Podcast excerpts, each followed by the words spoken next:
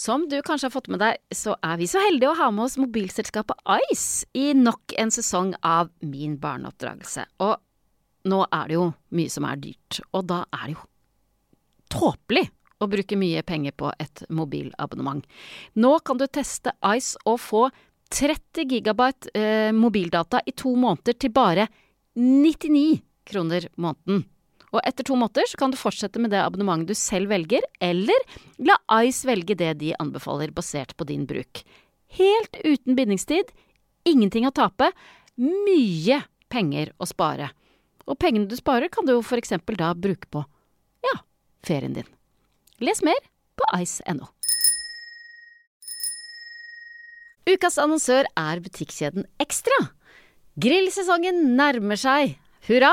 Og Ekstra har sitt største grillutvalg noensinne, blant annet Norges mestvidende grillserie Grill Perfekt. Med andre ord, det bugner av deilig grillmat eh, hos Ekstra. Hva med å invitere familie og venner på habanero-pølser, salsiccia-pølser, black age pepperpølser, cheesy bacon-pølser, beefy burger, cheesy burger, skinny burger, big beefy gourmetburger, fiskeburger med hvitløk, fiskeburger med bacon, rødbet og søtpotetburger, soppburger, barbecue eh, grillfilet, svinenakke med oregano og tomat, urtemarinert fårefilet, å det hørtes godt ut, eh, brisket, T-bone steak, flank steak, tomahawk, laksefilet med pesto, laksefilet med sitron, scampi med hvitløk og urter, crispy fiskeburger med ost, kyllingfilet med sitron og urter, kylling overlår, gyros kyllingspyd, smoked barbecue lårfilet av kylling eller entrecôte. Guri malla, nå kjente jeg at jeg ble sulten, og jeg antar at det samme gjelder for deg. Stikk innom Ekstra og finn din grillfavoritt. Bon appétit! Hei, jeg heter Solveig Kloppen, og hjertelig velkommen til Min barneoppdragelse, en podkastserie der jeg inviterer forskjellige gjester og snakker om deres oppdragelse.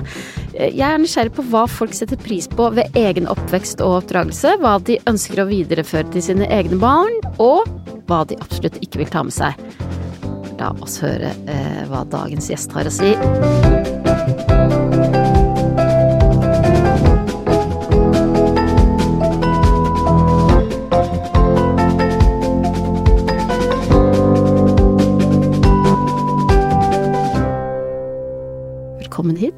Hit, det, Ramona Kåss Furuseth. Takk for at jeg fikk komme. Ja, det er veldig hyggelig at du eh, ville komme. Du er radio- og TV-profil, kjent fra programmer som eh, God bedring, eh, TV-serien Sinnssyk, podkasten The Kåss Furuseths, eh, som du har sammen med søsteren din, Else. Eh, nå er du aktuell med podkasten Ha det bra og Unntakstilstand. Ja. Eh, og, og der deler du da eh, egne erfaringer. Ja, Og, og inviterer inn ulike gjester til å dele sine tips fra livet med småbarn. absolutt. Anbefaler å høre på den, da. Jeg syns jo selv at den er god. Ja, det syns jeg òg. eh, og folk virker som folk liker den. Ja. Så den treffer et eller annet. Den Ja. treffer et eller annet. Eh, og så er det sånn at eh, i juli så ble du forlova med samboeren din, Mm. eh, australieren. ja. Ja, Anthony. Ja. Jeps. Eh, gratulerer. Takk. Og er det sånn Å, da skal vi gifte oss neste sommer, eller? har- Det skal vi. Ja. Ja. Ja. Vi må ha det litt eh, tett. Ja, ja for ellers så plutselig så er det Ja, sånn. men ellers er det da skjer sånn det ikke. ti år senere. Ja. ja. Ja. Nei. Så nå driver vi, er vi i planleggingsfase. Og er du sånn som eh, eh, Har du sett for deg hvordan du, s- bryllupet ditt skal være? Jeg vil jo at det skal være en veldig god fest. Ja, først og fremst. Jeg. Først og fremst en god fest. Ja. Og så syns jeg det er hyggelig å liksom samle alle, og så kommer det mye av hans familie, som da må reise helt uh, helsikes langt. Det er mye å be om. Å, det er veldig mye å be om. Det er mer enn sånn vi skal gifte oss i Toskana, Ja, ja, liksom. ja. Du må virkelig sette av. Ja. Mm. Eh, Så det skal bli verdens beste fest, og vi skal kose oss. Så vi har booket sted Ja. og barnevakt. Bra. Ja, for det var mitt neste spørsmål. Barna. For dere nå Altså, dere har eh, to barn. Mm. Dere fikk eh, en sønn i 2020. Mm. Og så, 16 måneder senere, kom eh, en lita jente. Ja. Ja. Pseudotvillinger. Det er pseudotvillinger, ja. Det må vi snakke mer om, for det eh, er jo, eh, har jeg hørt, enda mer slitsomt enn tvillinger? Ja, det er farlig å si at det er mer slitsomt, men jeg sier det. Ja, og jeg sier det òg. Fordi det er, behovene er så ulike. Ja. Og, og, og Ja. vi- skal komme tilbake til det, men, eh, men de skal ikke være med i bryllupet. De skal være med under, eh, hva heter det, vielsen, Mm. og så drar de. Ja. Skal de kaste Fordi- blomster fra en kurv? Jeg har en drøm Ja. Om at de skal kaste blomster fra en kurv, Ja. Mm. Jeg vil også ha valper involvert. Eh, Jeg, jeg vet ikke, jeg, det har jeg sett for meg. Okay. Ja, At de går opp sånn eh, og Åh. kaster blomster, og så er det små og søte valper også. som det, hopper rundt. Som liksom. hopper rundt. Mm. Det er vanskelig å gjennomføre, kjenner jeg nå. Men blomster fra kurv har jeg lyst til. Ja. Det bør være mulig. Ja. De valpene, den drømmen om de valpene, hvor kommer den fra? Er det Disney Det er noe Disney Ja, det høres ut som Disney. Kanskje de også skal være en kurv? Er det små golden retriever eller labrador? Det er det. Ja, Det er det. Jeg ser det levende for meg. Ok. Um, vi skal jo dykke inn i din egen oppvekst og oppdragelse. Mm. Men eh, aller først så skal vi prøve å kartlegge hva slags mor du er Ja. for disse to små. Mm. Eh, og nå gir jeg deg noen oppdikta foreldrescenarioer, eh, og, og du svarer hva du ville ha gjort. Ja. Og du trenger ikke nødvendigvis se for deg dine barn, Men bare sånn generelt. sånn generelt. Ja. Barnet ditt er seks år og vil bare gå med løvekostyme på skolen. Ja. Hva gjør du? Da tenker jeg at jeg eh, prøver å forklare at eh, det kanskje er litt rart. Men jeg tror også jeg ville kjøpt mange løvekostymer. Ja. Så ville jeg anerkjent det Mm. og tenkt at da, da gjør vi det. Mm. Kan du huske hva du likte å gå i som seksåring eller sjuåring? Jeg husker at jeg skiftet klær veldig ofte. Ja. Ja, så det var mye antrekksbytter i løpet av en dag. Og mange klær oppå hverandre. ja lag på lag? Lag på lag, Ja. ja. Eh, og at det var sånn Hvis vi hadde besøk av noen og sånn, så var det sånn Da skal jeg gå og skifte kjole, og så komme tilbake igjen, se på denne. Ja. Og at man går tilbake Ja, så det, det husker jeg. Og jeg husker veldig godt at jeg hadde favorittantrekk. At jeg hadde Pippi-sokker, som var de feteste sokkene som jeg da. Fikk du lov å gå i hva du ville?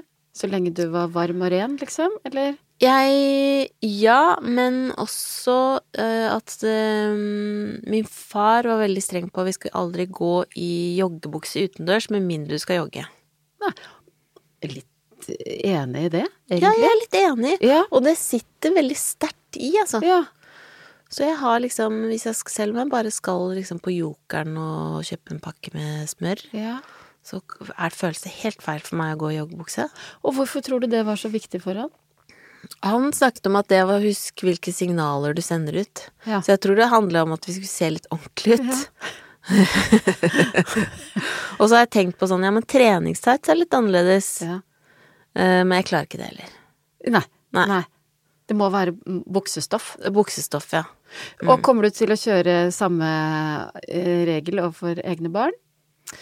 Eh, jeg tror det. Jeg tror det, altså. Mm. Eller om det er kanskje litt om penjoggebukse, da. Ja. Juicy. Ja, juicy. Barnet ditt er tre år. mm. Nekter å ta på seg klærne før barnehagen. Mm. Eh, Du har dårlig tid. Skal rekke Teams-møte. Oh. Hva gjør du? Da eh, nekter å ta på seg klær, var det det? Ja, klær, da. Eh, da sier jeg til eh, barnet at åh, det jeg skjønner at det er skikkelig dritt å kle på seg. Jeg syns også det er kjempekjedelig å kle på seg. Det kjenner litt på det. Ja. Men eh, Og man skal egentlig ikke si menn. Har jeg også hørt, Ja. men det gjør jeg likevel. Men, jeg Ja. sånn, men vi må, alle må ha på klær når vi skal ut. For da, ellers så blir man kald. Mm.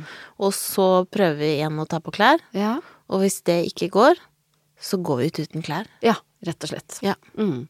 Tar barnet under armen og putter Men, i ja, for vi må gå. Ja. Vi må rekke ja. Selv om det er minus 20. Ja, da blir det kaldt. Ja. Mm. Men først prøver å validere, Validere. Ja. og så trumfe gjennom. ja. Mm. Det Høres pleier aldri å gå så smooth. Det gjør det ikke. Men jeg liker jo aller helst å kunne lukke alle vonde situasjoner før vi går ut eh, Ja. døra. Ja. Men det er jo akkurat den den gangen der, som en psykolog sa, det, var, det er som en liksom sånn en tube, altså en som du skal skvise alle Det er der det skjer, i gangen der. Mm. For det, barna dine er nå eh, snart tre og ett og et halvt. Mm. Eh, er det morgener som går smooth i det hele tatt?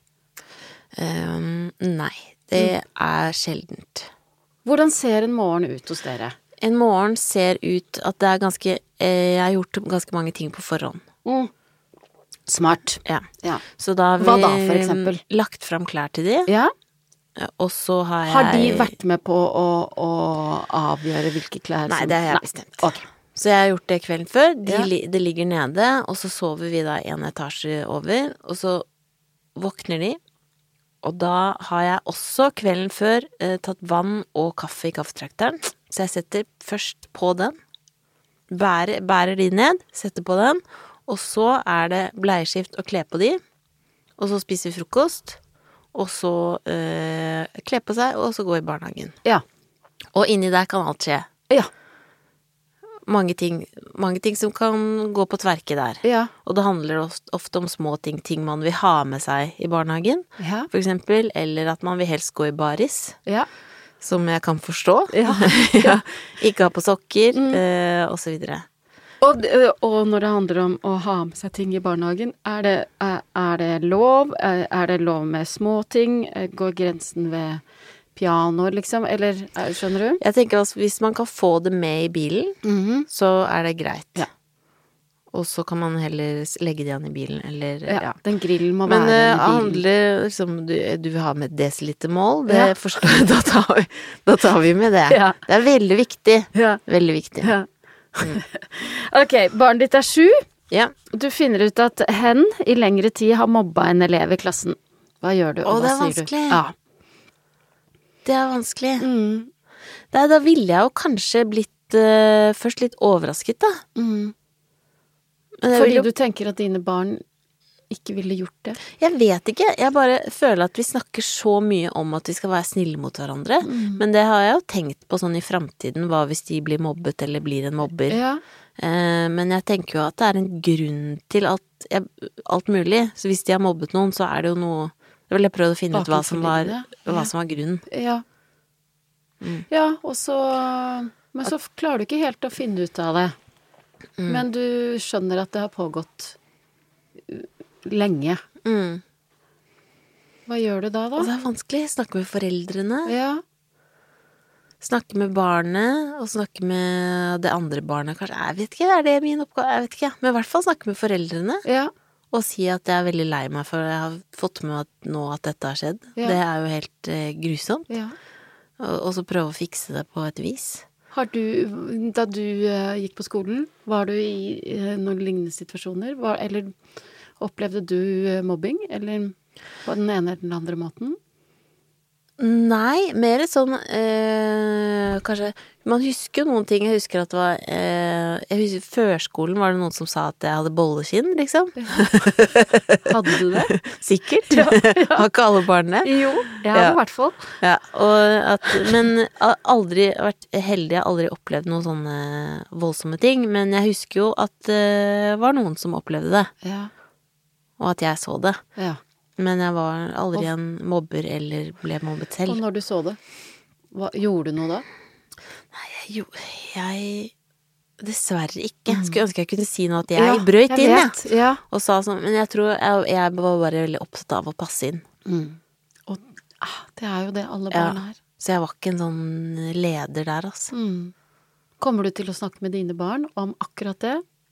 At viktigheten ved å Å liksom si fra, ja. Ja. ja. For det håper jeg jo at de blir sånne typer som sier fra. Ja. Men det krever jo en del mot, da. ja. Fordi det er jo det eneste man vil, er jo bare å passe inn og være sånn som de andre. Være innafor. Og jeg husker jo at det var jo de, de eh, Jeg hadde krøllete brunt hår og var ikke Jeg var litt lubben, kanskje, liksom. Mm. Så det var jo de, de Det kuleste å være var tynn og ha rett, lyst hår. Mm. Og det var ikke jeg, så jeg prøvde på en måte Og det visste jeg, sånn at da måtte jeg på en måte prøve å Og passe inn. Prøve å passe inn på, på andre måter. Ja, Ja. Hva, hva gjorde, hvordan gjorde du det? Eh, jeg vet ikke Jeg prøv... ikke om jeg prøvde Men jeg, jeg prøvde å være venner med alle, liksom, da. Ja. Ja. Å være være- ålreit, liksom? Ja, være ålreit. Mm. Mm. Men jeg hadde liksom min gjeng og hadde alltid venner og sånn, så jeg er veldig takknemlig for det. Og vet jo at det liksom setter jo store Det er det som er skummelt med det, det får, kan jo få så store følger resten av livet. Så jeg synes, det er jo noe jeg tenker på sånn Å, fader, når de begynner på skolen, håper at de får har det bra, Ja. og at de er snille, og ja. Ja, og for venner, ja. Mm. Mm. Men jeg kan eh, Et tips eh, både til deg eh, og til dere som hører på, apropos det der å si ifra, å være en leder og tørre å si ifra hvis man ser at andre eh, blir utstengt eller mobba. For Trine Eilertsen skrev for noen år siden siden en veldig fin liten sak om det som heter lektor Bjørndals metode. ja. Ja. Hvor eh, hun var en av lederne og ble kalt inn til um, læreren, som sa at uh, dere, dere som er på toppen, har, uh, har ansvar for å si ifra når dere ser at uh, noen ikke har det bra. Oi, så bra. Mm. Anbefaler å lese den. Ok, datteren din er tolv, Ja. vil begynne å bruke sminke på skolen hver dag. Hva sier du? Um, da Åh, det, HF det og det også. Dette er så mange scenarioer som jeg gruer meg til. Ja. Fordi det også husker jeg at jeg drev med selv, og at pappa sa sånn skal, Hvor mye skal du sparkle fjeset ditt, liksom? Fordi det var, jeg hadde jo ikke teknikk. Jeg hadde sånn Maybelline eh, Dream Matte Mousse som jeg smurte på tjukt, tjukt lag, også på leppene. Ja, det var stygt. Ja. Det var veldig rart. Og når begynte du? Hvor gammel var du? Ungdomsskolen. Ja. Ja. Og jeg begynte å Og jeg husker at jeg eksperimenterte med blå øyenskygge og sånn. ja. Mm. Ok, men um, du lar barnet sminke seg. Ja, det må være greit. Ja. Du oppdager at det 16 år gamle barnet ditt i lang tid har tjent penger på å selge lettkledde bilder på Onlyfans. Å, fy fader. Ja, alt dette kan komme, Ja, men alt Cecilie. dette har jeg lest om. Ja. Ja. Hva gjør Nei, du da? da Å, fy søren. Det er jo ikke greit, da. Det er ikke greit. Da, blir, da er det alvorsprat å forklare at liksom disse Det at du eh, disse Én ting er jo at de bildene kan jo havne hvor som helst, og misbrukes av eh, hvem som helst. Men også har jeg prøvd å finne ut hvorfor gjør du dette. Hvis du har lyst til å tjene penger, så finnes det mange andre måter å gjøre dette på. Ja, men jeg gjør det fordi at jeg syns det er litt gøy, rett og slett, å vise meg litt Åh, fram. for jeg aner ikke, Solveig. Jeg syns det er vanskelig. Mhm. Profesjonell hjelp ville jeg kalt inn da. Ja. Da hadde vi dratt til en psykolog sammen, Ja. og skulle funnet ut, funnet ut av hva, hva er dette. okay. Hvis jeg ikke hadde klart å rydde opp i det sjøl. Ja. Og for det med 16-åringer er én, de kan være litt vanskelig å nå inn til, selvfølgelig. Åh, jeg var forferdelig 16-åring Ja, selv, var så du? ja. Hvordan da? Jeg var veldig opptatt av å, eh, at alt gikk bra så lenge jeg får være i fred. Ja, det var sånn. Og ingen forstår meg. Ja. Og skrev sånne dype sangtekster og sånn. Eh, så, ja, og utrolig selvopptatt. Men også tenker jeg vanlig, da. Mm. Så jeg vet ikke om noen hadde klart å nå inn til meg. Men jeg husker en måte å nå inn til Som også er et triks, Mm. som jeg husker at faren min gjorde. Ta samtaler i bil. Ja. Hvor man begge ser rett fram. Hvor man slipper å sitte og se på hverandre. Mm. Mm. Men, men stemte det at ingen forsto deg?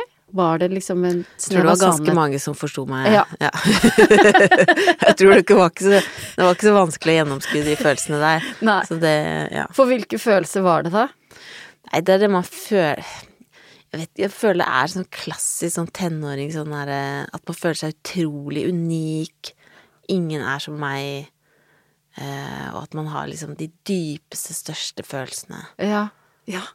Som er en blanding av liksom at man føler seg grandios, men ensom, liksom. Ja, ja. Unik og Mm. alene. Mm. Ok, for at vi skal snakke om at du har en bipolar lidelse. Mm. Um, men jeg lurer på om vi først liksom uh, reiser tilbake i tid. Ja. Um, uh, fordi at eh, du har jo også vokst opp, da, og blitt oppdratt av noen. Mm. Ehm, eh, på Jessheim. Ja. Norges beste sted. 2050. Ja. Med eh, mamma Nina og pappa Christian Mm. og storebror Lars, som var sju år eldre enn deg. Mm. Og så storesøster Elisabeth, som de fleste kjenner som Else. ja. Fem år eldre? Fire år eldre? Fire år eldre. Fire år eldre. Mm. Eh, hva husker du best eh, fra de første årene på SR? Eh, hva husker jeg best? Nei, det var, vi var en veldig sånn kjernefamilie. Um, og jeg har liksom noen bilder av uh, oss tre søsken, at vi var veldig pent kledd. Ja. At mamma var veldig opptatt av det, at vi skulle gå i matchende liksom 17. mai-antrekk. Og at hun liksom dro på sånn kongresser og sånn, for hun var lege da. ja. Og kjøpte så mye greier at det måtte skippes hjem til Norge. Er det sant? Ja, og at hun var veldig opptatt av liksom The finer things. bare Ja, så vi så veldig søte ut, eh, rett og slett. ja. Ja. For moren din, um, uh, hvordan vil du beskrive henne? Nei, hun var jo veldig Litt sånn tøysete type. Som også fordi hun syntes det var gøy, kjøpte to undulater til fattern, liksom. Og bare sånn Se hva jeg har kjøpt til deg. Ja. det vil vi jo ikke ha, men at hun liksom Ja. Og at hun var veldig Påfunn? sånn Påfunn, ja.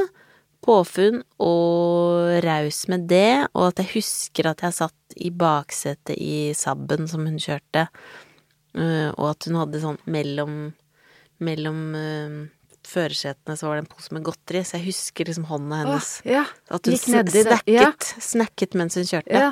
Og at hun øh, røyka rød Marlboro, som jeg gjemte. ja. Fordi du ikke ville at hun skulle dø av lungekreft. Ja. Ja. Mm. Mm. Mm. Og, men ehm, det når, ah, når hun kjøpte eh, undulater eh, for gøy, var det i perioder hvor hun da eh, var eh, eh, oppe, liksom? Ja. Ja. Det er jo Det er jo et typisk tegn, da. Typisk tegn. eh, Og at det gikk veldig opp og ned. Og jeg husker jo henne som veldig av og på. Ja. Eh, og så er det jo noe med at eh, ja, Else er fire år eldre, broren min syv år eldre, så vi fikk jo liksom forskjellige perioder av henne, liksom. Ja. Men at eh, det jeg husker henne som, er liksom stort sett fraværende. Ja. Av og til veldig kjærlig og omsorgsfull, og så helt borte. ja. Eh, Sånn at jeg, det var ja, en litt sånn utrygg følelse. av At Ja. jeg aldri visste helt hvor jeg hadde henne. Og jeg husker hvor fint jeg syntes det var når hun Når hun var veldig på, da. Ja. Eller at når jeg fikk ligge i armkroken og hun leste bok for meg, eller var sånn 'Nå skal vi kose oss, og nå skal vi lese Donald', eller Og hvor glad jeg ble sånn 'Å, Der nå er det oss! Ja. Der er du, ja! Ja. Nå er det oss!' Mm. Eh, men at jeg, at jeg husker Og så plutselig ikke. Og at det var veldig sånn eh, utrygg uh, følelse. Mm. Hva tror du det Hva har det gjort med deg? Nei, det er jo ganske essensielt å føle seg trygg i den perioden av livet. Mm. For hun døde altså da du var Jeg var syv. Sju? Mm. Eh, så det det har gjort med meg, er nok at jeg har blitt en forelder Altså, jeg har gjort mange ting med meg, da, Mm. men at jeg har blitt en forelder som er veldig opptatt av å være til stede. mm. Og at jeg alltid De skal alltid vite hvor de har meg, og at jeg alltid skal være trygg. Mm. For jeg vil ikke at de skal ha den følelsen. Mm. Um, så det er liksom den største åpenbaringen som forelder. Mm. Og jeg tror at alle har jo ting fra sin egen oppvekst som Som man møter seg sjøl i døra litt når man får barn. Og det var en av de tingene som var sånn uh, Ja, som jeg føler veldig på, da. Mm. Mm. Og, men, og når du sier at du er opptatt av at du skal være til stede, er det både fysisk og mentalt, liksom? Ja, fysisk og mentalt, ja. Mm. Jeg kan aldri Jeg kunne aldri hatt en sånn La barna Bare la barna gråte-aktig. Mm. Mm. De kommer til å sovne til slutt. De må lære seg å eh, være selvstendige eller så sånn skrikekuraktig mm. greie. At jeg liksom jeg, de, jeg vil at de skal føle seg trygge. Alltid. Og hvis du eh, Hvordan er det da eh, i forhold til det å vise egne følelser. Altså for det, hvis, hvis du er lei deg, Mm. eh, eller har en tung dag, Mm. er det noe du viser overfor barna? Eh, ja, det syns jeg man skal. Man skal heller vise det enn å fjerne seg, tenker Ja, jeg. ja. Og så heller forklare, eh, forklare hva det er. Men jeg har ikke vært så mye lei meg foran de, egentlig. Eh, men jeg kan jo bli veldig sint av og til. Ja. Hvis det koker, hvis det koker litt. ja. Men da eh, er jeg veldig god på å si unnskyld og reparere Mm. etterpå. Mm. Sånn at jeg tenker at du bare, må alltid bare være der, og alltid forklare det isteden. Men at jeg tenker at det er ikke farlig å gråte foran barna sine. Ble du forklart hva som skjedde? Nei. Eh, og jeg tror jo at barn er smarte. Altså, de merker stemninger. Veldig. Mm. Og det er derfor, for eksempel, eh, om morgenen når man skal ut av døra, hvis du selv er stressa, Mm. det er da det går på tverke. De merker alt. Mm. Eller hvis, de jeg, hvis jeg har en dårlig dag, det er den dagen de er mest masete. Mm. Mm. Og det er fordi de merker at det er noe off med meg. Mm. Var du redd? Eh, ja, eller jeg bare skjønte det ikke helt. eh, det var veldig mye jeg ikke skjønte. Mm. Mm. Men hadde du følt et behov for å passe på henne? Ja, jeg, jeg har jo hørt det i ettertid, at jeg husker det ikke så godt selv, men at jeg liksom Jeg ville ikke begynne på skolen, for jeg ville være heller hjemme Ja. og passe på henne. Ja. At jeg liksom Pappa måtte fysisk være til stede for at jeg skulle være på skolen. Så han satt bakerst i klasserommet i starten. Ville helst være hjemme sammen med mamma. Og hva var årsaken til at, at de ikke fortalte deg eh, om hvordan moren din hadde det? Jeg visste, at, jeg visste at hun var syk. For jeg husker at det var perioder hun uh, var innlagt og sånn. Ja. Um, og det er, det er sånn, jeg vet ikke helt hvor mye, men jeg, eh, jeg husker ikke selv at jeg skjønte hvor, hvordan type syk hun var. Men jeg tror det var det også de sa, at hun er syk, hun på sykehus. Ja. Og at selvfølgelig Else skjønte mer av det eh, enn det jeg gjorde, og fikk kanskje mer informasjon, da. Og at de kanskje prøvde å tilpasse det alder, liksom. Men og så og så har jo du da eh, etter hvert eh, eh, skjønt at du også har en bipolar lidelse. Mm. Hvordan var det å få den diagnosen? Nei, det var fordi vi er veldig lite opptatt av diagnoser i familien. og det tror jeg er bra. Ja. Sånn at når jeg fikk den, så var det mer sånn at jeg hadde gått i terapi i ganske mange år, og så var det sånn Å ja, men kanskje vi skulle tatt og liksom utreda deg for å se om det er noen ting vi kan gjøre annerledes. Og da ble, fikk jeg den utredningen, og så fikk jeg medisiner spesifikt til det formålet, som Ja. stemningsstabiliserende. Ja. Og det tenker jeg sånn Derfor får man en diagnose. Ja. Eh, og jeg tenker det er veldig fint å ikke ha masse fokus på det, Ja. fordi at man er så utrolig forskjellige. ja. At man heller tenker på diagnose som et sånn verktøy, at det er jo faktisk en sånn sjekkliste. Eh, som egentlig bare er et verktøy for å vite hvordan man kan gi noen best mulig behandling. Og jeg tror at man, at man ikke alltid skal Jeg bruker liksom aldri den diagnosen som en sånn forklaringsmodell på meg selv, Nei. som jeg tror noen kanskje gjør, da. Mm. Eh, at det bare sånn Jeg er bipolar, sånn derfor er jeg sånn. Og så bare sånn Nei, hva er det det egentlig handler om? At jeg tror liksom at det er eh, Jeg syns det var fint at jeg fikk den, fordi da ble jeg også eh, Kunne jeg bli bra igjen og få riktige medisiner. Og så tenker jeg liksom ikke på den i hverdagen. Nei. Uh, og så tror jeg at uh, uh, At på en måte at grunnen til at jeg fikk det Altså, man er jo arvelig disponert Som det så fint heter. Ja. for ting. Mm. Men man er arvelig disponert for, for veldig mye ting. Mm. Og at også at jeg tror grunnen til at jeg fikk det, var en cocktail av ting som skjedde til- riktig tid, Mm. liksom. Mm. Eh, og at eh, jeg syns ikke man skal være Jeg syns ikke man skal la være å få barn fordi man er redd for akkurat det. Mm. Nei. Eh, fordi det er ikke så At man har en Man er disponert for det, men det er ikke så høye tall. Nå har jeg ikke de tallene i hodet. Men det er ganske beroligende tall, da, hvis du ser på det. Mm. Og at det også handler om hva slags oppvekst du har, og hva som skjer. Men det vil jo også si at dine barn er arvelig disponert. Mm. Er det noe du tenker på? Eh, nei, det gjør jeg egentlig ikke, altså. Fordi sjansen for at det skjer med de, er liten. Ja. Eh, og hvis noe skulle skje, så er jo jeg er veldig godt rusta til å håndtere den situasjonen, tenker jeg da. Og at man vet aldri at man liksom Det er 50% av Norges befolkning kommer til å få en depresjon eller Mm. angst i løpet av livet. Mm. Så øh, alt kan skje. Mm. Kanskje de er arvelig disponert for noe hjertesykdom eller andre ting. Altså, man vet Mm. ikke. Mm. Så jeg tenker at det er Det viktigste er at jeg øh, er frisk, og at jeg er en god forelder, tenker jeg da. Og nå har du vært frisk i mange år. I mange år, ja. Mm. Og går ikke på uh, de stemningsstabiliserende medisinene lenger.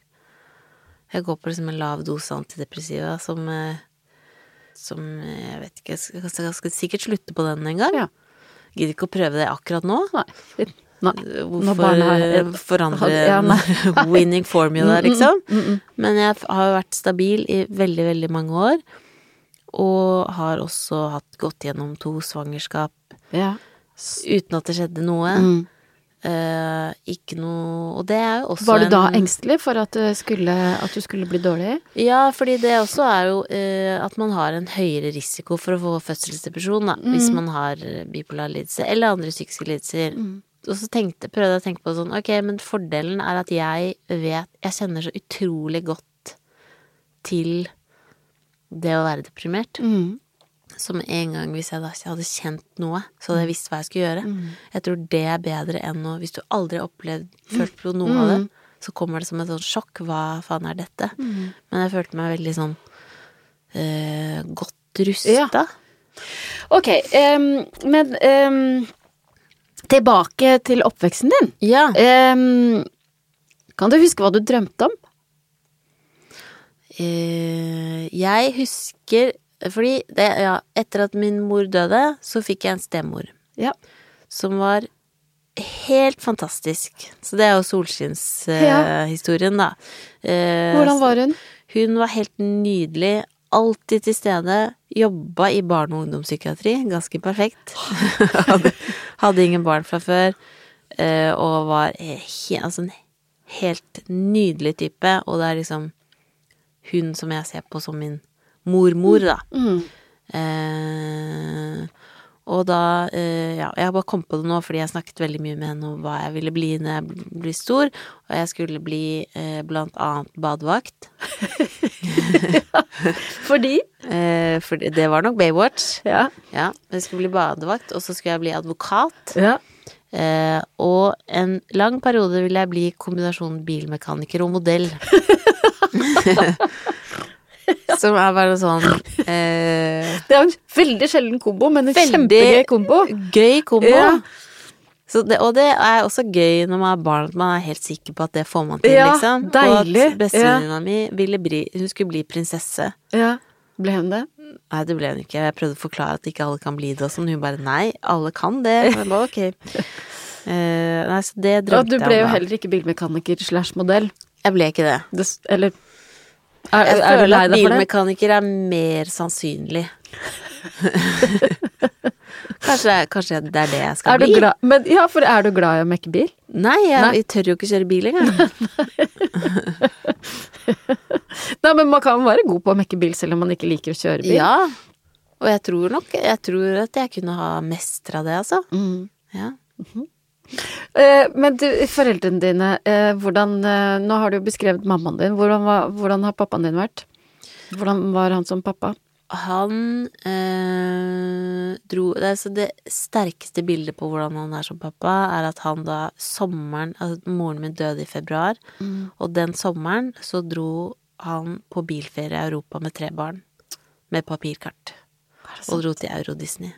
Og det er Dere fire.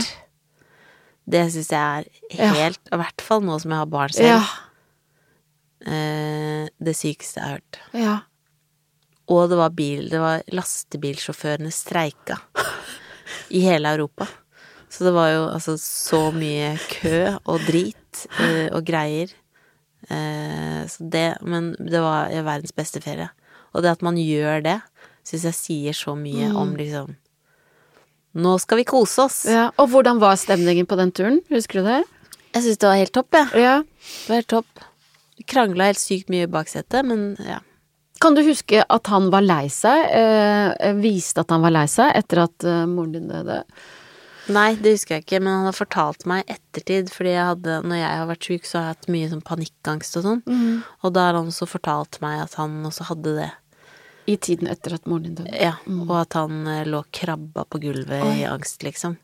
Og også grunnen til at han fortalte meg det, var for å også berolige meg med at Men nå Det- har jeg det bra. Det går og det kan gå over.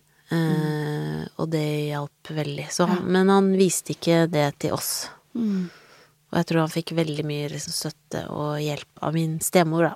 Ja, for når kom hun inn i bildet? Var det Bjørg? Guri. Guri. Guri, det ligner på Det er Ja, samme sjanger. er, bo- er, bor i samme boks Ja, oppi hodet. Guri. Hun kom inn i bildet da jeg var åtte. Så ganske kjapt. Ja. Føltes det for kjapt, eller? Det føltes eh, såpass kjapt og truende for meg og Else at vi behandla henne ganske ræva. Ja. og jeg eh, vi tegne at jeg husker vel godt at jeg sa sånn Jeg har tegna en tegning til deg. Så var det en hundebæsj, da. Og hvordan, hva, hva sa Guri da? Hun var jo så god. Ja. Hun takla det dritbra. ja. Hun takla det skikkelig, skikkelig bra. Hvordan takler man det bra, da? Når man får At da sier man tusen takk for tegningen, at det var en kjempefin hundebæsj, liksom. mm. Og hun bare holdt ut, da. At vi prøvde virkelig å skyve henne ut så godt vi kunne. ja, Hva var det som gjorde at dere knakk til slutt? At, Jeg tror vi bare ble glad i henne. mm. Ja. Mm. Det, hva, hva slags tips har du til uh, bonusforeldre som kommer inn på den måten der, med egentlig uh, delvis traumatiserte barn, da? ja, det er faen helt sjukt å tenke på Ja. den, å komme inn i det. Nei, jeg tror uh, det lure da er å bare stå i det. Ja. Eh, stå i det, og ikke prøve, for vi var veldig opptatt av sånn du er ikke moren vår. ja. Ikke prøve å være det heller, liksom. Men bare være til stede. Hvor lenge fikk dere ha Guri i familien? Vi fikk ha Guri til eh, 2013, da hun dessverre døde av kreft. Du har mistet en mamma to ganger, liksom? Ja. Og det var jo også helt eh, eh, jævlig, Ja. vil jeg si. Ja. Det var helt eh, grusomt. Men også en helt annen prosess, fordi nå har jeg opplevd liksom to selvmord og en som har dødd av kreft, og den eh, Vi fikk liksom Vi fikk vite sånn Nå Hun kommer til å leve i cirka ja, så og så lenge, og at det liksom Vi fikk sørget sammen med henne og begynt sorgprosessen før hun døde, og vi faktisk fikk si ha det på en helt fantastisk fin måte. Sånn at det blir på en måte en helt annen Det var ikke sjokkerende, liksom.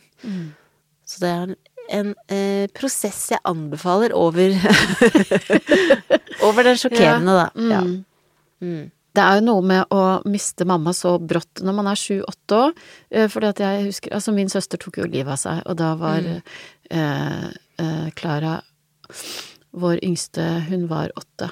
Mm. Eh, og så husker jeg at hun etter, eh, etter begravelsen til Katrine liksom stilte tre spørsmål til eh, Kjartan. Mm. Det var eh, Kan du bli like syk som Mm. tante Katrine var? Eh, kan man dø av sorg? Mm. Fordi hun var så redd for at jeg skulle Mm. bli så lei meg at jeg døde. Mm. Og var ikke tante Katrine glad i barna sine. Mm. Og jeg tenker at det er veldig sånn Er jo gode spørsmål. Veldig gode spørsmål. Kan du huske at du Hvilke spørsmål eh, du eh, stilte deg og, og faren din, da, etter at moren din døde? Eh, nei, jeg, jeg husker bare Jeg skjønte jo ikke hva som hadde Jeg skjønte ikke hvorfor hun døde. Eh, så jeg skjønte ikke før mange år etterpå at hun faktisk hadde tatt selvmord. Jeg bare var- lagde min egen historie, Ja. eh, på en måte. Eller jeg bare Ja. Men jeg husker at jeg spurte om hun kunne komme tilbake om natten. Som et spøkelse. For det, det syntes jeg var skummelt. Ja. Og jeg husker at pappa hadde en sånn 'nå kan dere spørre om alt dere ville'. Eh, Etter noen, etter noen år, eller? Nei, det var ganske rett etterpå. Ja. Men eh, det, det var det jeg var opptatt av da. Mm. Mm. Eh, Men jeg syns jo at eh, din datters spørsmål er veldig gode. Mm. Fordi det er jo spørsmål som jeg lurte på etterpå. Mm. Og som jeg også har tenkt på nå sånn Når jeg kjenner hvor eh, ellevilt glad jeg er i egne barn, Mm. og tenker sånn Da må du ha vært altså så syk Mm. for å ta det valget. At det er på en måte eh, nesten føles enda vondere nå, når jeg selv vet hvordan det føles. For det er jo en sånn, og det er jo sånn klisjé, men den kjærligheten til egne barn, det er jo noe av det sykeste som finnes, liksom. Eh, og da tenker jeg sånn, da må du ha vært Ja, da er det sånn åpenbaring om hvor syk hun har vært, da. Mm. Men så må man også lure på sånn, hvordan kunne du gjøre dette, liksom? Mm. Og da, ja, var hun glad i barna sine? Mm. Men du har jo vært åpen om at du har At det, at det har- innimellom har vært så mørkt for deg at du har tenkt at at, at livet ikke er Mm, til å bære, liksom. mm. Er du, er du redd for at du skal få de tankene igjen? Nei, egentlig ikke nå, altså. Og jeg føler at også de gangene jeg har tenkt at livet ikke var til å bære, så har jeg også vært veldig sikker på at jeg skal aldri gjøre noe med det. Ok, ja. Eh, at det er mer de Altså, var de tankene som jeg har sittet med, men jeg har aldri hatt noen Det er også en viktig greie hvis man eh, opplever at noen rundt seg har selvmordstanker. Ja. At hvis det, det begynner å bli farlig hvis det er konkrete planer, liksom. Men at selvmordstanker i seg selv er jo veldig vanlig. Mm. Um, men at jeg har alltid vært sikker på at dette Det skal jeg aldri gjøre. Mm. Fortalte du noen om at du hadde de tankene? Psykologen, bare, ja. Ja. Mm. For jeg tenkte at eh, dette kan ikke jeg dele med familien, for eksempel. For jeg tenkte at det er det siste de trenger, er At de skal bekymre seg for meg også. Mm. At det var sånn Nå, de er, nå er det Det er nok. Mm. Fordi vi visste jo at eh, broren min eh, Det var en overhengende fare for det hele tiden. At vi levde med den. Ja, for det- broren din var altså sju år eldre enn deg, Mm. og han tok også sitt eget liv da. Ja, det er en trist historie, dette. Ja, det er jo det. Det er så jævlig Lese noen intervjuer med meg selv i Kamille, hvor jeg bare Og dette Oh, partypooper. Dette er jo ikke noen gøyal historie. Så gratulerer er til så- alle som har hørt denne episoden og ikke skrudd av ennå. Men det er jo så mye lys i historien din òg. Ja, det er det. Det er det. Det er mye mørkt, og så er er det, mye masse, mørkt, og så er det masse, lys. Ja. Men, men eh, broren din, når ble han syk? Eh, det, det var jo liksom begynte i tenårene. Skjønte du det da? Det skjønte jeg, og både Else og jeg og pappa brukte veldig mye av vår tid, og spesielt da etter jeg ble liksom voksen og flytta ut, så det var veldig Vi brukte masse tid på å passe på han. Mm. Um, og var generelt veldig bekymra for han. Mm. Og hva tenkte du da han døde? Da var det litt som at sånn Der skjedde det. Følte du skyld? Nei, jeg tror uh, ingen av oss følte skyld, for jeg hørte at vi hadde gjort alt i vår makt til å få han til å fortsette å leve, men at vi, vi kunne ikke ha gjort mer, og at det var liksom på, på tross av oss, og ikke på grunn av, liksom. Men eh, jeg tenker jo med dere, noe av det som er eh, så lyst, er jo det at eh, dere har den helt fantastiske humoren. Ja. Det må jo, det har jo, må jo ha redda dere mange ganger. Eh, Ja, det tror jeg jo er viktig, da. Ehm, og at man kan liksom eh, At man kan eh, kødde med ting. Mhm. At vi er en kødden gjeng. ja. Så jeg tror, jeg tror jo det er smart. Mhm. I'm Sandra, and I'm just the professional your small business was looking for. But you didn't hire me because you didn't use LinkedIn jobs. LinkedIn has professionals you can't find anywhere else, including those who aren't actively looking for a new job but might be open to the perfect role, like me. In a given month, over 70% of LinkedIn users don't visit other leading job sites. So if you're not looking on LinkedIn, you'll miss out on great candidates like Sandra. Start hiring professionals like a professional. Post your free job on linkedin.com/people today.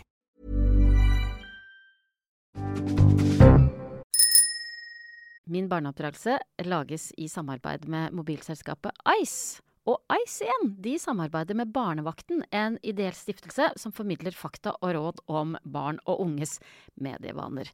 Og som Ice-kunde så får du gratis tilgang til mange av Barnevaktens webinarer som tar for seg temaer som barnas favorittapper, nettmobbing, eh, sikker bruk av nett og medier, skjermtid og mye, mye mer som vi foreldre er opptatt av. Fokus på sikker nettbruk for ditt barn. Les mer på ice.no slash barnevakten. At man må tulle med det. Ja. Det føles riktig, da. Mm. Og så er det noen ganger vi tuller med ting, og at eh, det kanskje er litt over the top.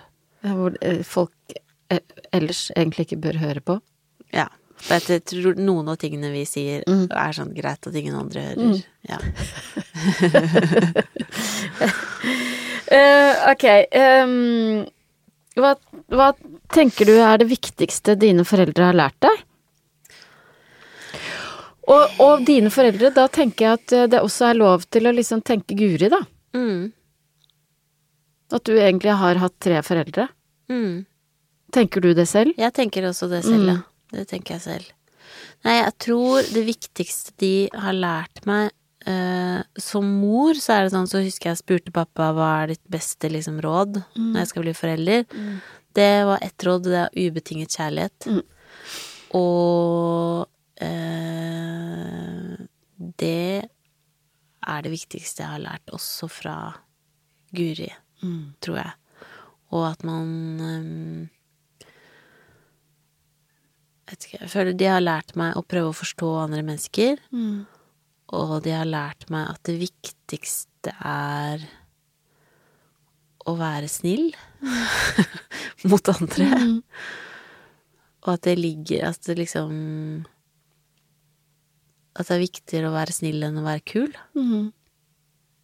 Eh, og det har jeg også tenkt på når jeg jobber i denne uh, bransjen, på en måte, som er litt rar. Mm. At på en måte man kanskje Kanskje av og til er lurt å ikke være så snill, og heller være mer kul, men jeg velger å være snill. Mm.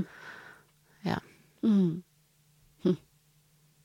Og det ubetinga kjærlighet, hva ligger det i det?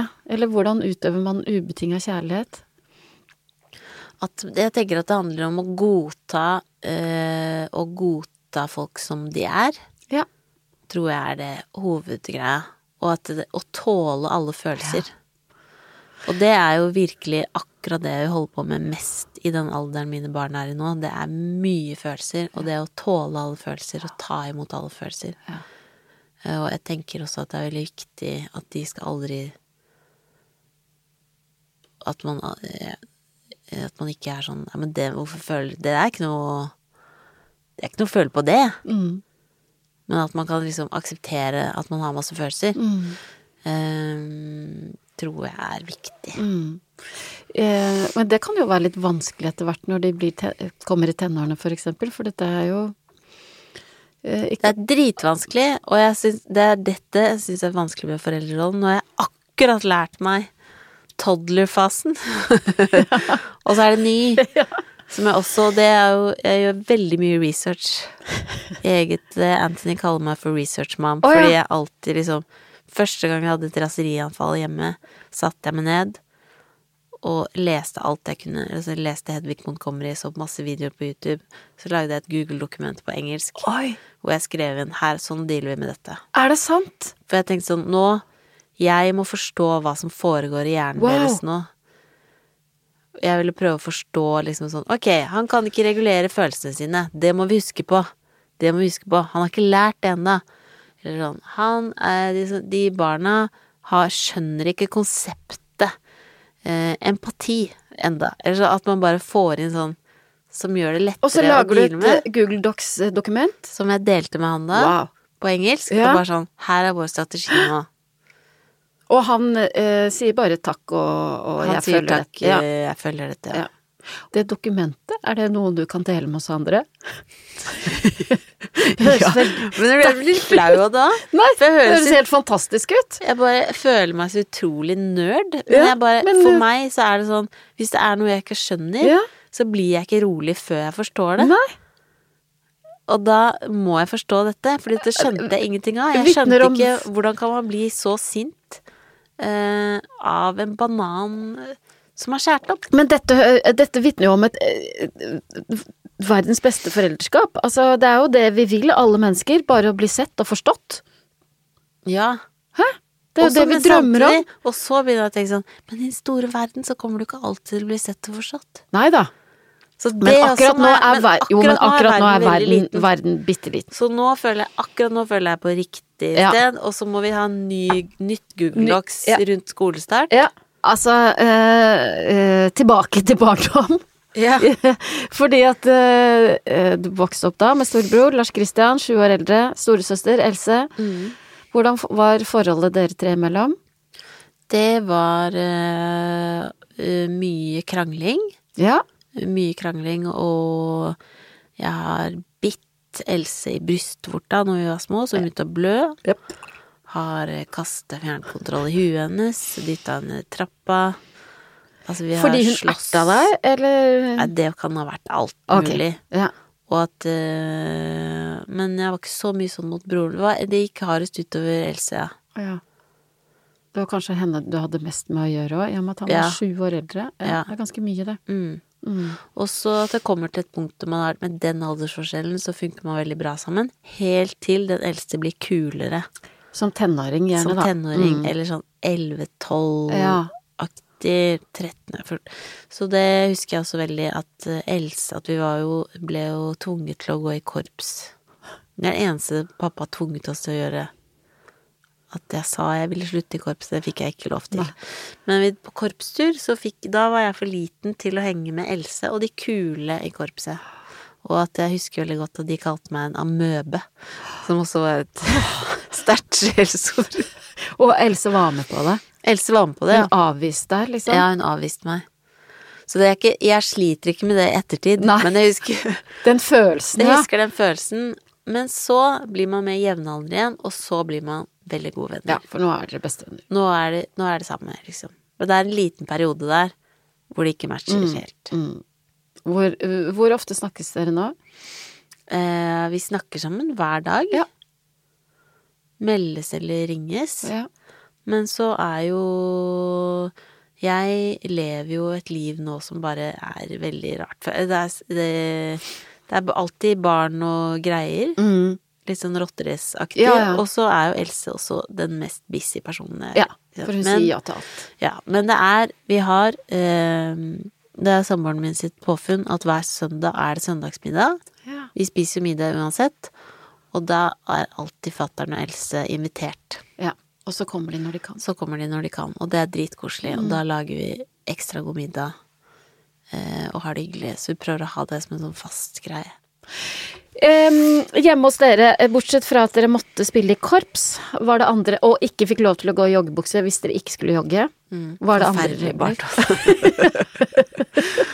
eh, andre regler. Ja. Eh, Middag klokka fem ja, hver dag. hver dag. Alle sammen. Alle sammen. Ja. Runde har du gjort i dag rundt bordet. ja. Eh, og Bare hva har du gjort, eller hvordan har du hatt det? Hvordan har du hatt det? Hva har skjedd på skolen i dag? Ja. Og så er det en fase da hvor det er sånn ingenting, slutt å spørre. Ja. Når, kom, når, når gikk du inn i den fasen? Hvor gammel var du da? Tidlig. Å, ja. Tidlig. og det er vondt. Jeg gruer meg til. Jeg gruer meg til den fasen. Ja. Eh, og så ble vi vekket syv minutter over syv hver dag.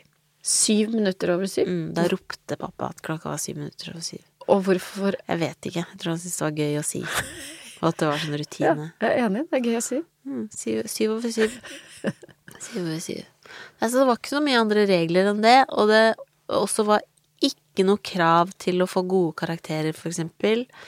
Eller uh, sånne ting. Og det tror jeg at jeg det, Med mine barn så skal jeg sette Jeg tror jeg skal pushe de litt. Ja. For jeg tror jeg kanskje hadde trengt et lite push. Ja. Fordi jeg var flink på skolen, men jeg tror jeg kunne ha toppa det hvis jeg hadde fått litt spark i ræva. Og det lille sparket i ræva, hvordan, eh, hvordan sparker man best mulig? Jeg vet ikke! Nei. Hva, hva syns du? Nei, det er eh, litt øh, vanskelig, for det er jo den der balanse... Det er jo en del foreldre, for eksempel, som gir penger for gode karakterer. Jeg spurte om det. Ja, Det, var det ble nei. Spurt, Nei, nei, jeg spurte, du spurte, jeg spurte hjemme. Jeg spurte hjemme. Jeg spurte Ja. pappa om det. Kan Ja. vi være så snill få karakterer Eller få penger hvis vi får gode karakterer? Ja. Og det sa han nei. Ja, og belønning for det. Nei, Fordi sant? vi er glad i dere uansett. Ja. ja. Og det er greit, det. Der følger jeg faren din. Og du skal ikke få gode karakterer for, å, for, for at han skal bli Altså Nei, men at man kan bli litt sånn Jeg vet ikke, jeg. Jeg tror bare det med en liten, liten Mm. push, liksom. Men eh, det kan vel være at det da der også er eh, Jo mer man liksom involverer seg, og, eh, jo mer interessant er det også for barnet, kanskje? Ja, kanskje. Jeg vet ikke. Det kan hende. Er det vanskelig? Ja, det er vanskelig. Mhm. Det er så mange ting. Åh, Mm. Ja, det er mange ting, ja. det er mange ting. ja. Men det er masse, masse gøy her, da. Det er masse gøy også. Ja. Men det er noe med nå at jeg kjenner at bare Åh, vi er i Ja. startfasen. Jeg trodde ja. dette var pes. Ja, er du lei deg? er- Angrer du på at du sa ja til å komme hit? For at nå liksom pirker jeg borti det du gruer deg til. Nei, jeg syns det bare er fint. Jeg gleder meg også til Det er, det er mye gøy også, og jeg syns det er veldig spennende å se hva slags typer de blir. Det er jo så gøy. Det er gøy, og det er allerede liksom De har så sterke personligheter allerede. Ja. Eh, så jeg gleder meg til å se hvordan det utvikler seg. Ja. Og jeg kan trøste deg med at eh, også det å få ungdommer er kjempegøy. Ja, men det er det jeg håper at det blir. Jeg Ja. håper at det blir gøy. Ja. Og jeg tror jo også det. Jeg, jeg, ja, det er masse ting jeg gleder meg til, og jeg av og til jeg snakket med samboeren min bare sånn Åh, hvis man bare kunne fått en liten sånn vindu inn i fremtiden. Bare sånn se hvordan Hva er det de gjør Mm. når de er 18, liksom? Eller bare sånn Det er jo dritspennende. Mm. Hva håper du du ser inni det vinduet da? Eller hadde sett? Jeg håper at de har det bra, da. Mm. Og så har jeg følelse av at han eldste kommer til å bli Han virker som en entertaineraktig fyr. Ja. Så da håper jeg at det er noe han er god på, at han ikke er sånn Sånn som de første Idol-auditionene. ja. At han elsker å underholde, men er skikkelig ræva på det, liksom. Det det kan er, også hende. Ja. Men det tar vi som det kommer. uh, ja, vi har jo så vidt vært innom det, men eh, ungdoms... Hvordan var du som ungdom? Mm. Uh, jeg var en eh, Var ikke så kul, tror jeg. Mot eh, faren din? Nei, var ikke så kul mot faren min. Og så var jeg veldig uh, Jeg var veldig opptatt av punk. Jeg var liksom punkertype, og hadde liksom min gjeng, og at jeg var Hadde du hanekam? Jeg hadde barbert på siden, ja. Kult. Eh, og var ikke russ. Det kler nesten alle, det. Alle kler det. Det er en allround look. Hvis du lurer på hva slags sveis skal jeg ha, så er det bare å kjøre den. Vi var ikke russ fordi Nei. det var for mainstream. Eh, nettopp. Ja. Og kapitalistisk. Ja, ja. At det også var sånn rød ungdom-type. Men det er ikke det verste å være, tenker jeg da. Man var i hvert fall Ja. engasjert ja, ja, ja. og hadde interesse, liksom. Eh, så det Jeg syns det var fint, det.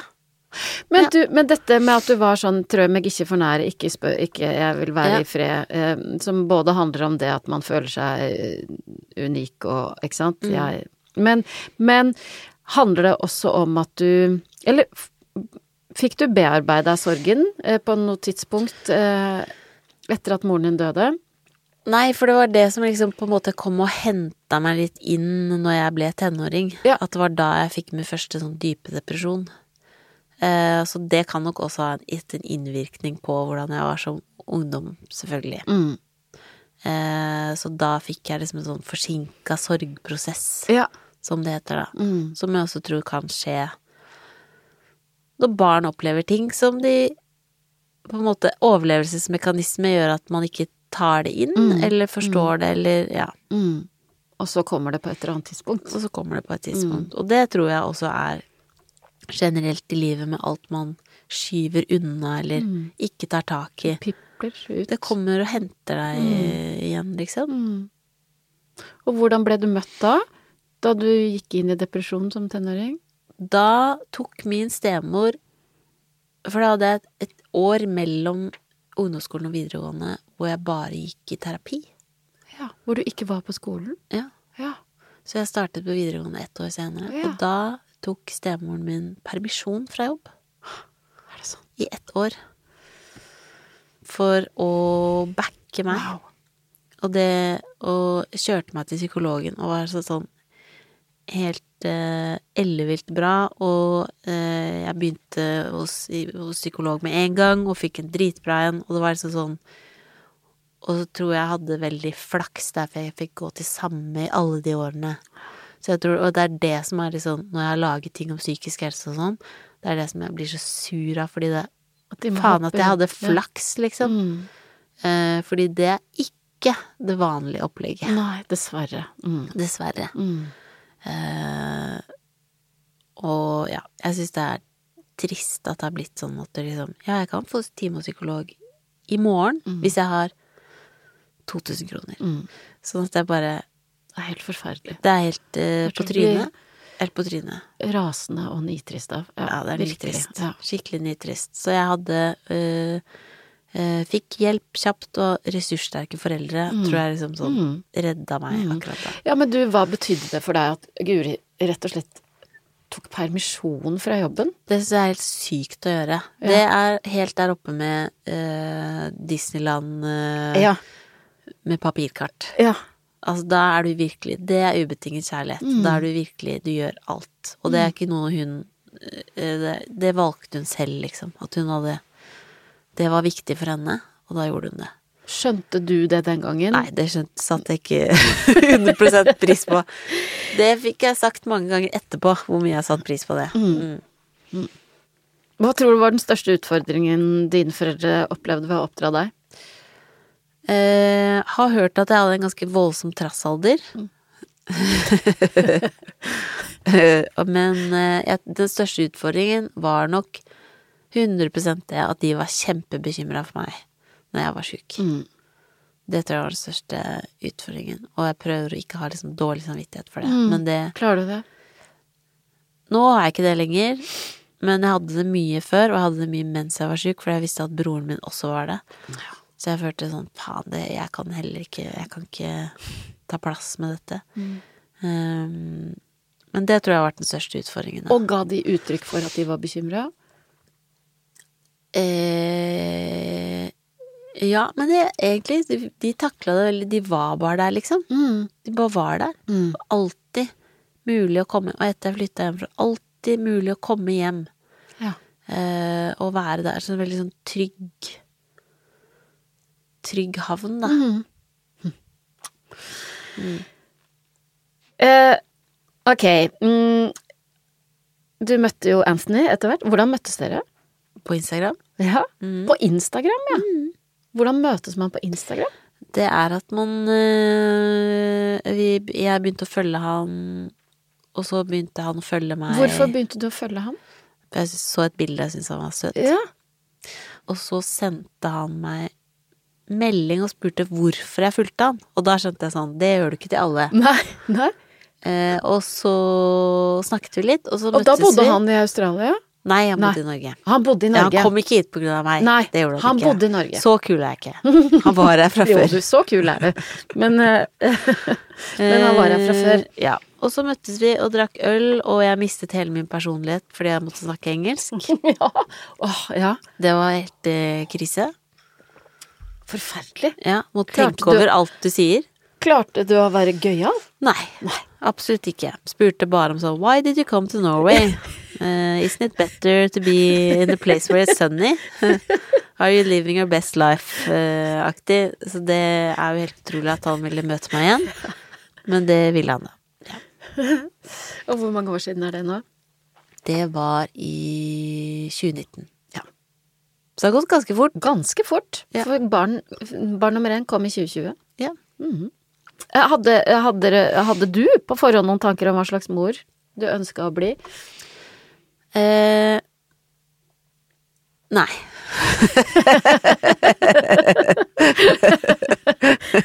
Det er greit, det. Eh, nei, jeg tror jeg tenkte at jeg skulle At jeg ville bli en bra mor, men jeg, jeg vet ikke. Jeg tenkte Når jeg var gravid, tenkte jeg bare på føding, altså.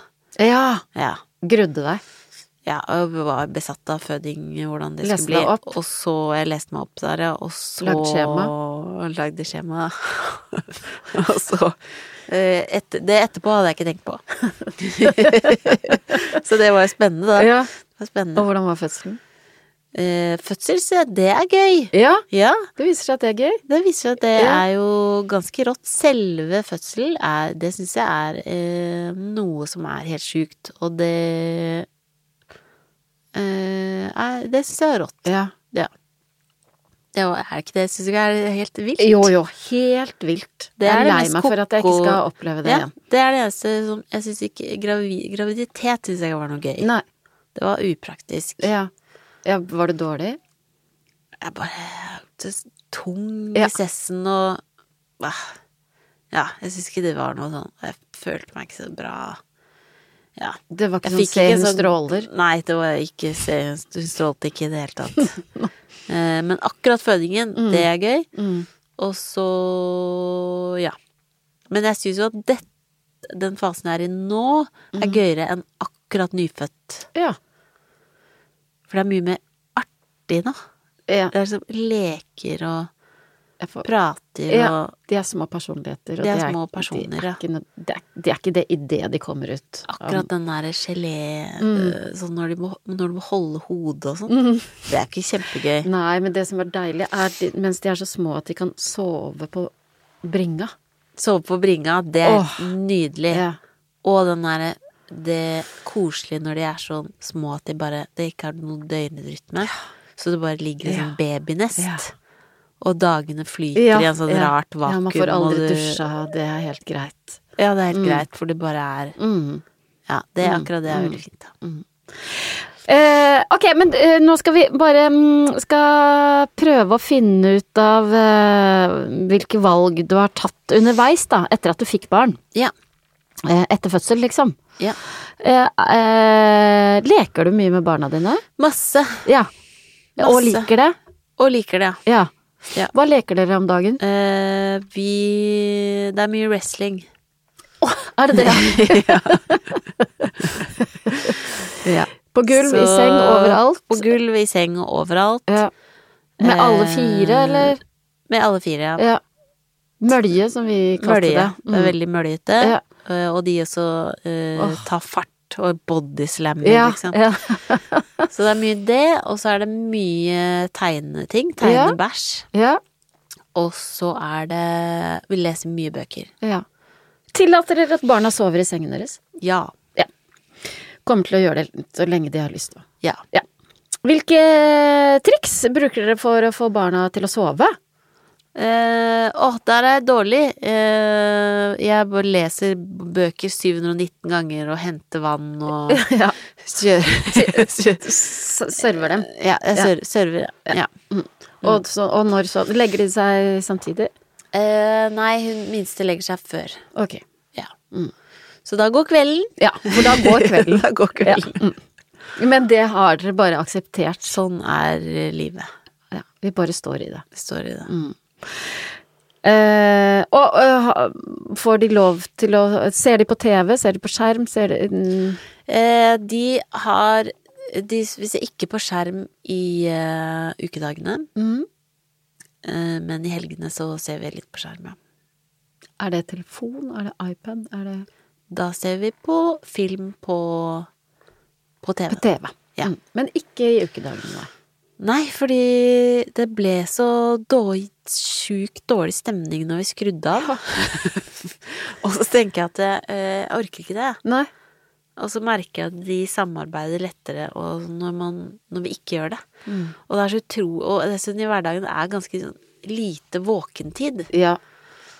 Så Men det kan godt hende vi begynner med Altså, jeg er ikke noe sånn eh, megastreng på det, sånn, egentlig. Jeg tror man må leve med det. Men jeg gruer meg til vi skal krangle om skjermtid og sånn, som jeg har hørt alle Blir holde på med. lei av det. Ja. Ja. Men er du ikke litt frista til å se på julekalender nå som eh, julen nærmer seg, sammen med barna? Snøfall. Jo, problemet da er bare at da da, eh, da må vi Det kommer ikke til å holde med én episode. Nei. Så det er det. Men kanskje vi heller da kan se Sparer til helga? Ja. ja. Ja. Mm. Eh, ja, nå er jo barna fortsatt veldig små, men har dere allerede etablert noen faste tradisjoner hjemme? Eh, for alt er jo rutine, kan, hvis man kan kalle det Ja, ja, ja. tradisjon. ja det tenker jeg man kan. Ja. Eh, men nei, ikke noe annet. Hos oss er det en tradisjon å pusse tenner morgen og kveld. Det er litt så fint. oh, Hos oss liker vi å pusse tenner, da. Altså, det Ikke noe annet enn det. Nei. Nei. Mm -mm. Fellesmiddag, kommer dere til å, å kjøre på med fellesmiddager, sånn som det du er Ja, vokst opp? er ikke det dritkoselig? Kjempekoselig. Ja. Prøv på det. Ja. Eh, men du, Cecilie. Yeah. Uh, nå er det sånn at, at uh, vi har skravla så fælt. Uh, Ja. har egentlig Dette gikk så fort! Ja, eh, og jeg har egentlig veldig mange spørsmål. Jeg har ikke lyst til å gå hjem heller. Nei, men, eh, og kan du ikke bare bli? Nei, det kan du ikke, for du skal på et møte. Jeg skal i et møte som Et jeg kjempe- faktisk skal holde Jeg skal holde en presentasjon. Herregud, er det sant? Ja. Oi. ja, så Det jeg, var veldig Vet du hva som er bra med dette? Mm. Er at nå rakk jeg ikke å grue meg. Til det møtet. Så du har redda meg. Eh, det er jo helt fantastisk. Men, eh, men eh, det vil si at jeg kanskje må, er nødt til å invitere deg tilbake igjen. For jeg har veldig mange spørsmål. Men gjør det, da. kan jeg det gjøre det? Selvfølgelig. Ja, for da tror jeg at vi gjør det sånn at vi avslutter litt brått. Nei, men det, det gjør Jeg, jeg kommer tilbake, og, men hvis, hvis det er sånn at du får tilbakemeldinger som er Ja, sånn på, ja. dette, Oh, det ble for trist. ja. eh, Jeg orker ikke det. Kan du Da eh, Det er 100 opp til deg om dere har overskudd bare, til å høre go, på det. da, da bare ghoster jeg deg, rett og Ja, slett. da ghoster du. Ja, hvis du ikke hører noe, så er det de tilbakemeldingene vi har fått. Hvem vet. Da må du bare stå i det. Jeg Som du har stått i veldig mye annet. Ja, det står jeg. Ja. Eh, vet du hva? Eh, da, da sier jeg rett og slett eh, lykke til på det møtet. Og tusen takk for en utrolig fin eh, og hyggelig prat, og velkommen tilbake. Takk. Så, altså foreløpig, da. Vi, vi får se på Ja, vi tilbakemeldingene. får, vi får se på tilbakemeldingene. ja, men- Jeg har ikke noe press her. Nei. Jeg kommer ikke til å følge opp med å sende meg meldinger. Så det velger du. Ja. Ok, Ok, ha det. ha det. Og du som hører på, hvis du liker podkasten Min barneoppdragelse, husk å trykke abonner der du lytter, for da får du et varsel hver gang det kommer en ny episode, og episodene blir automatisk lasta ned på din enhet. Og neste uke så prater jeg med Abid Raja om hans oppvekst og hvordan han velger å oppdra sine barn. Vi høres! Min barneoppdragelse er laget av Lyder Produksjoner.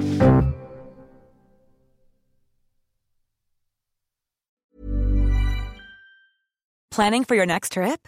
Elevate your travel style with Quince. Quince has all the jet setting essentials you'll want for your next getaway, like European linen, premium luggage options, buttery soft Italian leather bags, and so much more. And is all priced at 50 to 80% less than similar brands. Plus, Quince only works with factories that use safe and ethical manufacturing practices. Pack your bags with high-quality essentials you'll be wearing for vacations to come with Quince. Go to quince.com slash pack for free shipping and 365-day returns. Hi, I'm Daniel, founder of Pretty Litter. Did you know cats tend to hide symptoms of sickness and pain? I learned this the hard way after losing my cat, Gingy. So I created Pretty Litter, a health monitoring litter that helps detect early signs of illness by changing colors, saving you money and potentially your cat's life. Pretty Litter is veterinarian developed, and it's the easiest way to keep tabs on your fur baby's health right at home. Go to prettylitter.com and use code ACAST for 20% off your first order and a free cat toy. Terms and conditions apply. See site for details.